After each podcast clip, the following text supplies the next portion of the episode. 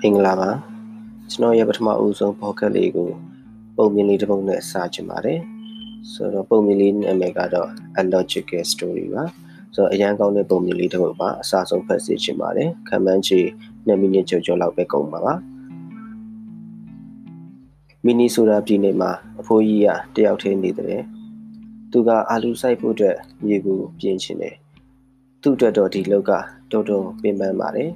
သူ့ကိုကူညီနေတဲ့တူဦးသောသားလေးကလည်းထောင်ထဲမှာကြောက်နေပါတယ်။တတိယလုံးလို့သူသားစီစာရေးပြီးအချင်းတွေကိုလှမ်းပြောတယ်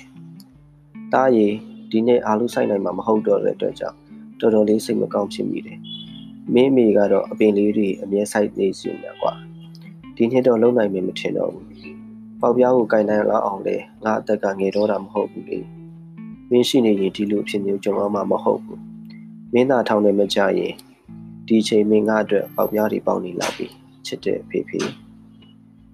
တိတ်မကြပါဘူးအဖိုးကြီးစီကြည်နှန်းဆောင်ဝင်လာတယ်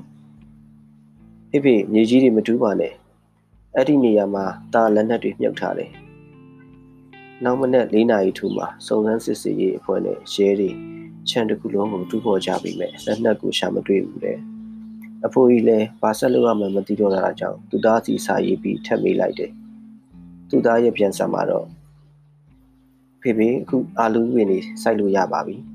ထောင်ထဲကနေဖေဖေကိုကူညီနိုင်ဖို့ကဒီနည်းကအကောင်းဆုံးပဲလေဆိုတော့ဒီပုံမြင်လေးကနေကျွန်တော်တို့ဗာသင်ခန်းစာလေးရလိုက်ပါလေသင်ခန်းစာအနေနဲ့ကတော့တင်ပင်မှာပဲရောက်နေရောက်နေလှုပ်ရှင်တဲ့ဆန္ဒလုံးဝပြင်းပြနေမယ်ဆိုရင်ရအောင်လုပ်နိုင်ပါတယ်ဘယ်နေရာရောက်နေလဲဆိုတာထက်ဘယ်လိုရအောင်လုပ်မလဲဆိုတဲ့အတွေ့အကြပိုပြီးအဓိကကျပါတယ် အခုချိန်ကျွန်တော်တို့ဒီ home stay လုပ်နေတဲ့ကာလအတွင်းမှာအိမ်ကနေလုပ်နေတဲ့သူတွေအတွက်အကျိုးရှိမယ်လို့ထင်ပါတယ်